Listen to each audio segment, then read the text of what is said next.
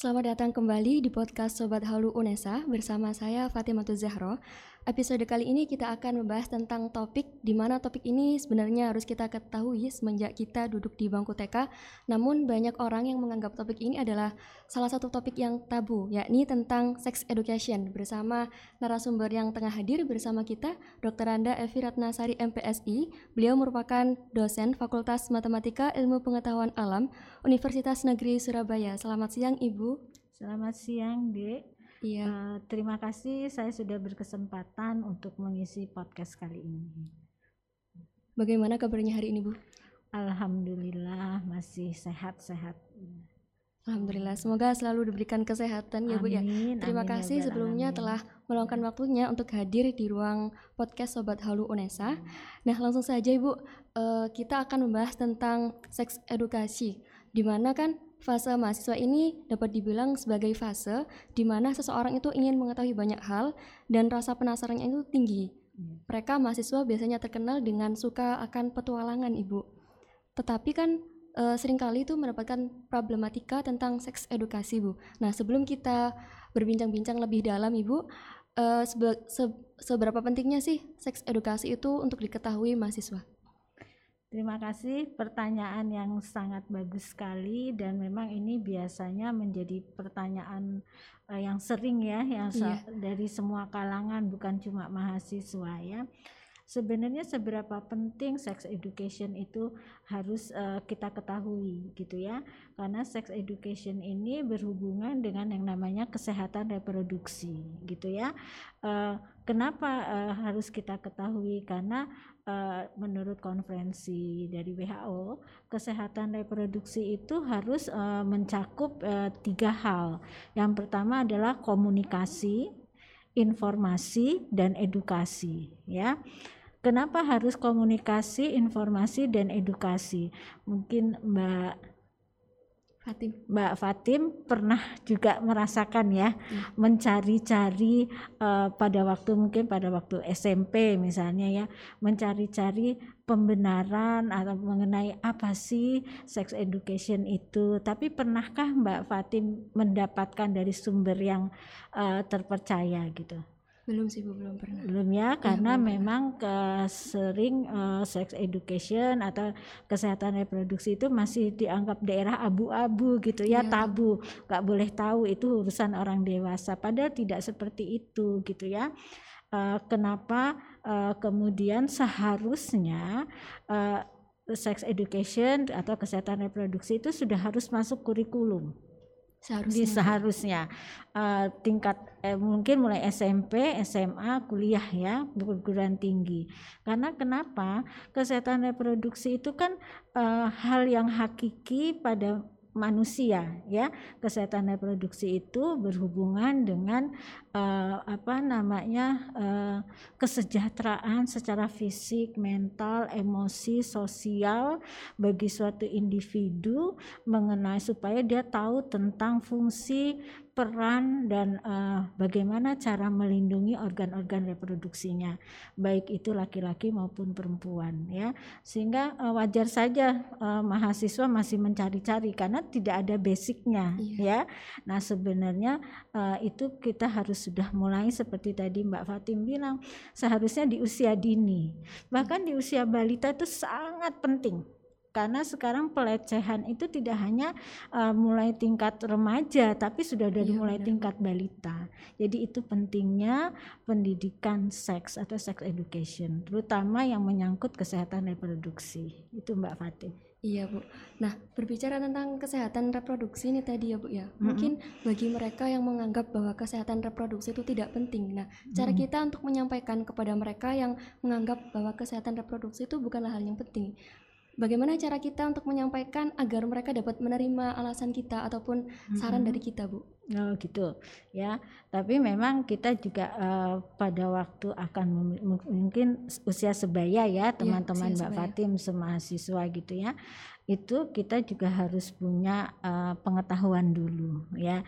Itu mengapa sebabnya kalau kita bicara tentang kesehatan reproduksi tadi ada komunikasi, informasi, edukasi gitu ya. Uh, sebenarnya apa sih tujuannya gitu ya? Iya. Tujuannya tadi Mbak Fatim sudah punya tujuan mulia mau, mau mengedukasi teman-teman ya. Tapi edukasi yang seperti apa yang akan Mbak Fatim berikan? Mbak Fatim harus tahu rambu-rambunya gitu ya. Iya. Nah, tujuan untuk mengkomunikasikan, menginformasikan, mengedukasi tentang reproduksi seksual, tentang sex education itu sudah ada di sudah sudah pemerintah sudah mulai menjalankan. Uh, itu tujuannya untuk apa? Kenapa kok pemerintah uh, mulai melakukan hal itu? Karena yang pertama seperti tadi kita diskusi awal uh, masih kurangnya pengetahuan remaja, terutama kita kalangan remaja ya, ya remaja tentang bagaimana menjaga kesehatan reproduksinya. Itu yang pertama. Yang kedua tadi masih tabu, ya, tidak boleh berbicara tentang seks ya, tentang organ seksual tidak boleh. Kemudian ketiga karena pengaruh globalitas ya sehingga uh, terjadi misalnya ledakan penduduk ya uh, masalah sosial sehingga uh, banyak remaja yang uh, terjerumus ke arah apa namanya memperlakukan apa hidup bersama dan sebagainya gitu ya. Jadi hal itu yang yang harus diperhatikan dulu gitu ya. Dan uh, um, untuk mendapatkan pengetahuan itu sebenarnya bisa melalui uh, program-program pemerintah. Pemerintah sudah uh, sudah melakukan mungkin tapi belum belum meluas ya. Kalau untuk balita dan ibu-ibu biasanya penyuluhannya di tingkat puskesmas posyandu ya untuk balita bagaimana cara ibu-ibu kalau menjawab pertanyaan anak balita gitu ya.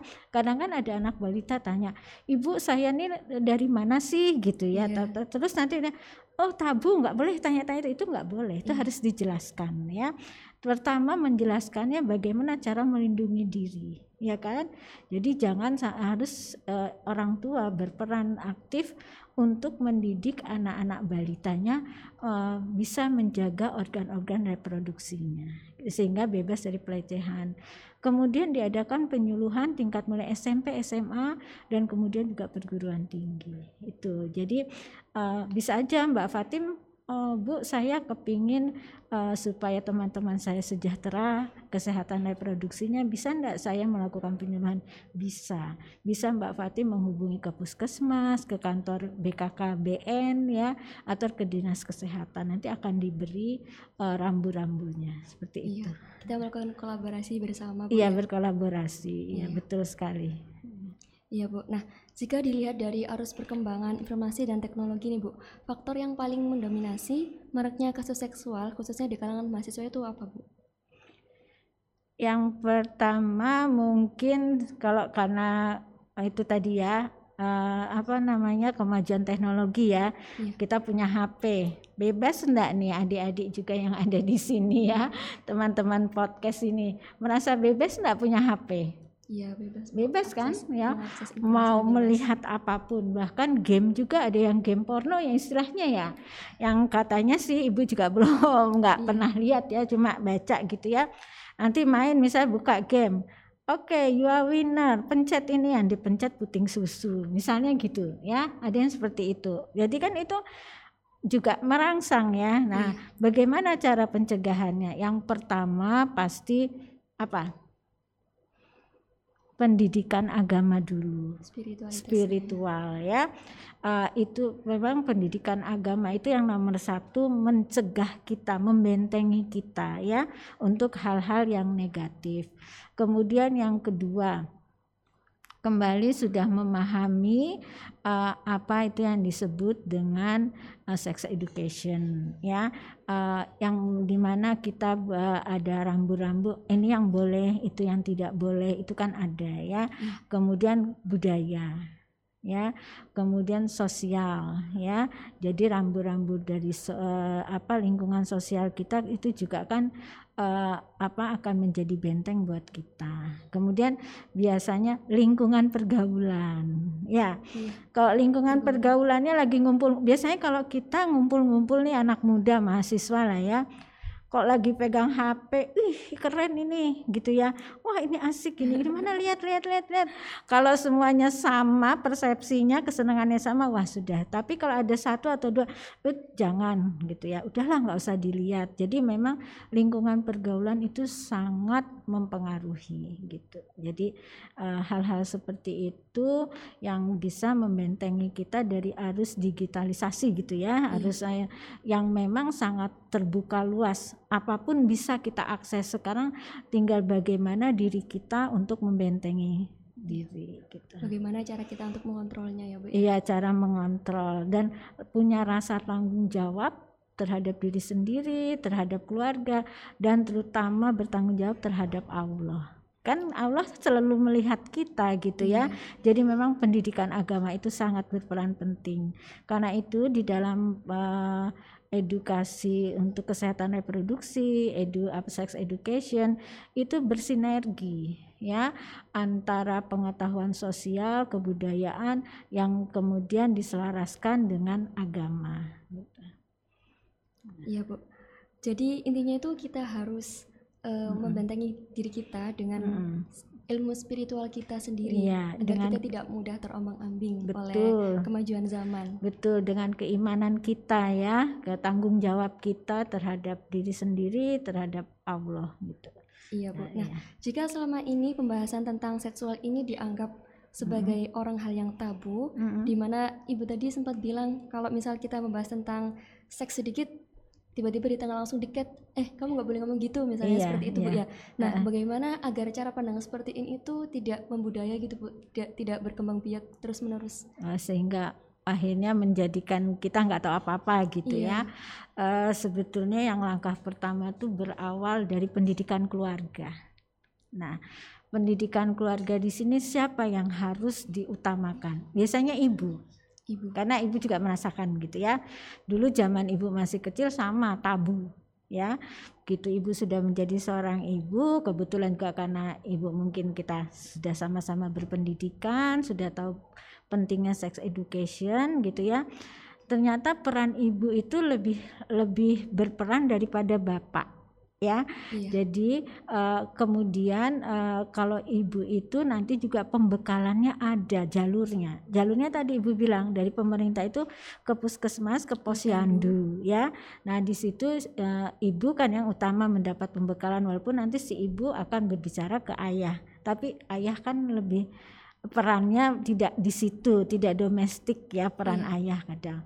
Nah, peran ibu itu sangat dominan. Ibu dapat menyisipkan uh, pengetahuan tentang sex education ke anak balitanya dengan menjelaskan atau dengan perbuatan. Mungkin Pak Mbak Fatim sering melihat bagaimana seorang anak balita sering hanya berpakaian dalam saja yang di boleh jalan ke mana-mana. Keluar rumah. Keluar rumah. Boleh ya? Boleh ya kan?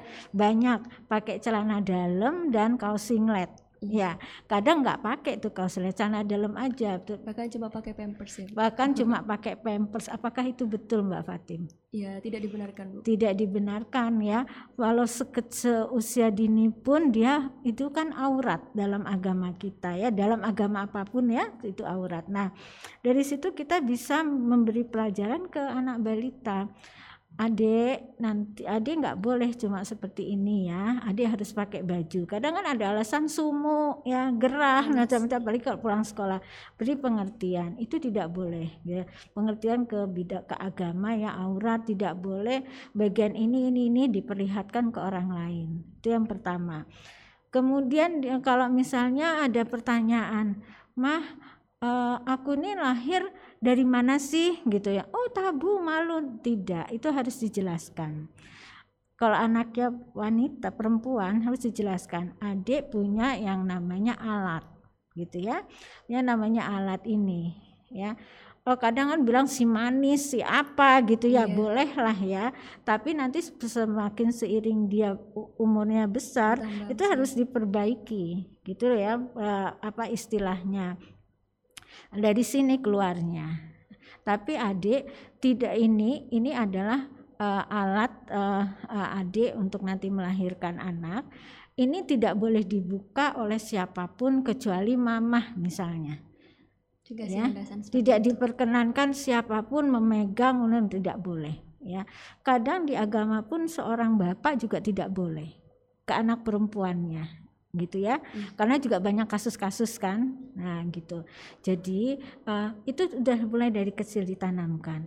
Kemudian misalnya bagian dada aku eh, kok bisa ya mama eh, nenen? Bisa bilangnya nenen ya. Iya. neneknya mama kok keluar air susu? Aku kan minta gini-gini. Nanti aku keluar ndak ya mah bisa keluar. Tapi itu kalau adik sudah punya anak dan jangan dibuka di depan orang lain. Jadi sebenarnya pendidikan itu bisa bisa diberikan secara dini. Kalau anak laki-laki bagaimana? Sama juga ya.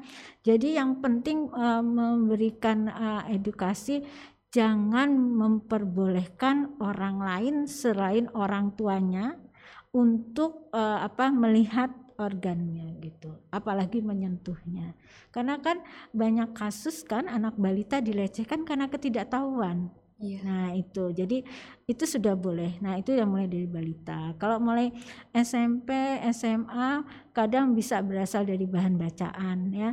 Tapi kadang dari orang tua. Kalau ibu ibu ajarin, anak ibu laki-laki dua semua ibu ajarin gitu ya. Eh, tentu saja dengan bahasa yang sesuai dengan umurnya ya. Karena kan yang namanya remaja itu ada tahapannya ya. Jadi kita dalam memberikan sex education itu menurut tahapannya ya. Remaja itu ada pra remaja. Ya kan? Pra remaja itu umur antara SD itu ya 10 sampai 12 ya. Di mana kematangan fisiknya diikuti kematangan fisiologisnya itu yang kita sebut prapubertas. Ya, Pubertas. yang mulai keluar misalnya kalau anak perempuan puting susunya mulai Iya. tumbuh anak laki suaranya mulai pecah nah Tumbuhnya itu jakun. ya tumbuh jakunnya gitu ya bulu-bulu halusnya mulai keluar nah kita menjelaskannya sesuai dengan eh, perkembangannya nanti usia SMP itu eh, disebut awal awal awal remaja. Nah, itu perkembangannya kalau SMP kan mungkin semua sudah merasakan ya perubahan secara fisiknya sudah jelas. Itu disebut pubertas. Nah, di pubertas ini yang yang labil. Ya, rasa keingintahuannya sangat besar terhadap kondisi dirinya dan kondisi teman-temannya. Nah, di situ rasa ingin coba-cobanya itu sangat tinggi ya. Penasaran. Nah, itu juga waktu yang sangat kritis dan harusnya waktu yang sangat tepat untuk kita menambahkan lagi tentang eh, pembelajaran sex education, reproduksi kesehatan karena kan yang perempuan juga sudah mulai menstruasi di mana organ reproduksinya siap ya kan? Siap untuk melakukan reproduksi karena dia sudah mulai mens hormonalnya sudah sudah sudah lengkap ya. Yang laki-laki juga gitu hormonalnya sudah eh, sangat mendukung sehingga ada yang disebut dengan nafsu. Nah itu yang harus dicegah gitu ya. Beranjak ke SMA biasanya lebih berani ya. SMA itu namanya eh, akhir dari remaja. Nah, itu kan lebih karena dia beralih mau ke kuliah, biasanya eh, eh, untuk eksis dirinya sangat tinggi ya, keberaniannya juga sangat lebih tinggi lagi ya, kesempatannya untuk mendapatkan informasinya sangat besar. Nah, jangan sampai kesempatan-kesempatan ini disalahgunakan karena ketidaktahuan itu Mbak Fatim ya. Nah, dan kalau di mahasiswa, waduh, mahasiswa kesempatannya lebih terbuka lagi ya. Iya, lagi. Apalagi kalau mahasiswa jauh dari orang tua, ya. Tanggung jawab mereka terhadap diri mereka sendiri sangat besar karena kan banyak cobaan-cobaan yang mereka alami ya gitu ya kan sering Mbak Fatim dengar di tingkat mahasiswa di kos-kosan gitu ya bisa yang namanya kumpul kebo dan sebagainya dan seterusnya seperti itu Mbak Fatim Iya, Bu. Ya. Nah, tadi kan sempat disinggung terkait dengan hormon ya, Bu. Mm-mm. Nah, hubungan hormon Mm-mm. dengan eh, reproduksi itu bagaimana, Bu? Seiring dengan bertumbuhnya usia. Hmm, Oke, uh, seperti uh, secara alamiah ya manusia itu oleh Allah sudah dikodratkan yang laki-laki ini nanti akan uh, merupakan uh, mempunyai hormon yang androgen ya. Kemudian yang perempuan yang apa ya Mbak Fatim? Yang uh, uh, Uh, jadi gini, eh, laki-laki itu kan secara hormonal nanti setelah dewasa uh, alat reproduksinya itu akan berkembang ya di mana alat reproduksi untuk seksualnya itu yang dia secara apa namanya visual secara uh, morfologi dia akan disebut dengan penis gitu ya. Nah, kemudian nanti akan menghasilkan sperma ya kan? Nah, di situ juga ada uh, secara uh, psikologis dia akan ada nafsu-nafsu yang diberikan. Itu sebenarnya karunia oleh Allah ya, seorang manusia diberikan nafsu, hmm. kemudian diberikan alat reproduksi, kemudian seorang wanita juga ya sudah dia sudah siap dengan dia menstruasi, dia punya sel telur, dia punya uh, indung telur, dia punya rahim, punya uh, ya punya ovarium, punya yeah kemudian ada vagina alat luarnya ya. Nah, itu harus dijaga sesuai dengan perkembangan hormonnya. Seorang wanita punya siklus. Mbak Fatim merasakan kan ya? Merasakan. Punya siklus di setiap bulan. Di mana di setiap bulan siklus itu ada namanya siklus yang subur ya untuk siap dibuahi ya melakukan fertilisasi ya. Pembuahan. Nah, pembuahan. Seorang laki-laki juga gitu. Dia siap melakukan fertilisasi, penetrasi ya, di mana dia setiap hari akan menghasilkan beribu-ribu sperma ya. E, nah, hal itu kan harus ada saluran ya. Tetapi salurannya harus yang betul ya, yang menurut kaidah-kaidah agama, menurut kaidah-kaidah sosial budaya, menurut kaidah-kaidah kesehatan reproduksi gitu ya. Jadi uh, hormonal ini pasti selalu uh, mempengaruhi kehidupan manusia untuk bereproduksi, untuk menghasilkan keturunannya. Tetapi harus di jalan yang benar gitu. Iya. Ya. Nah, mm -mm. mungkin sedikit pemanis Bu untuk pendengar mm -mm. setia podcast Sobat Halu Unesa. Mm -mm. Bisa diberikan pesan-pesannya Bu untuk mahasiswa harus bagaimana terkait dengan kesehatan reproduksinya ataupun seks edukasinya. Ah, gitu. Terima kasih Mbak Fatim untuk Sobat Halu Unesa. Uh, yang ingin saya berikan apa pemanisnya katanya Mbak Fatim ya. Uh, gini sebagai mahasiswa itu kalian punya tanggung jawab yang besar terhadap diri sendiri terhadap orang tua. Karena kalian seorang mahasiswa terhadap lembaga UNESA ya. Dan yang terlebih lagi terhadap Allah Subhanahu wa taala untuk terus menjaga diri ya jangan pernah mencoba-coba uh, melakukan hal-hal yang di luar uh, apa namanya yang tidak diperbolehkan oleh agama atau uh, secara apa namanya sosial budaya secara umumnya. Jagalah kesehatan reproduksi kalian. Menjaganya bagaimana ya? Dengan uh, menjaga untuk tidak melakukan hal-hal yang uh, di luar batas-batas sos, uh, sosial budaya dan agama ya. Pilihlah kalian secara manusiawi kalau sudah seusia kalian mahasiswa sudah mulai punya pasangan boleh. Tapi dalam uh, istilahnya sekarang apa sih? Pacaran ya? Pacaran. Bu saya mau nembak gitu boleh nembak ya boleh kalian berpacaran tapi dalam batas-batas tertentu dan pacaran itu pacaran yang sehat ya yang membimbing uh, membuat kalian semangat kuliah cepat lulus gitu ya kalau sudah lulus sudah jadi sarjana kerja mau nikah oh welcome sekali gitu ya. Hmm. Jadi jadilah ma mahasiswa UNESA yang berperilaku, beretika, beretitude sesuai dengan agama dan tuntunan masyarakat ya. Saya optimis mahasiswa UNESA adalah mahasiswa yang sadar akan kesehatan reproduksinya. Ya. Terima kasih banyak Ibu atas mm -hmm. segala nasihatnya ataupun pencerahannya. Mm -hmm. Terima kasih juga atas segala eh, kata-kata yang mungkin sangat bermanfaat untuk kami, terutama kami mahasiswa UNESA, Ibu. Mungkin itu saja, Bu, yang dapat kita eh, obrolin pada Iya. siang hari ini. Semoga bertemu di lain kesempatan. Selamat siang, Ibu. Semoga sehat selalu. Selamat siang Mbak Fatim, terima kasih. Wassalamualaikum warahmatullahi wabarakatuh. Waalaikumsalam warahmatullahi wabarakatuh.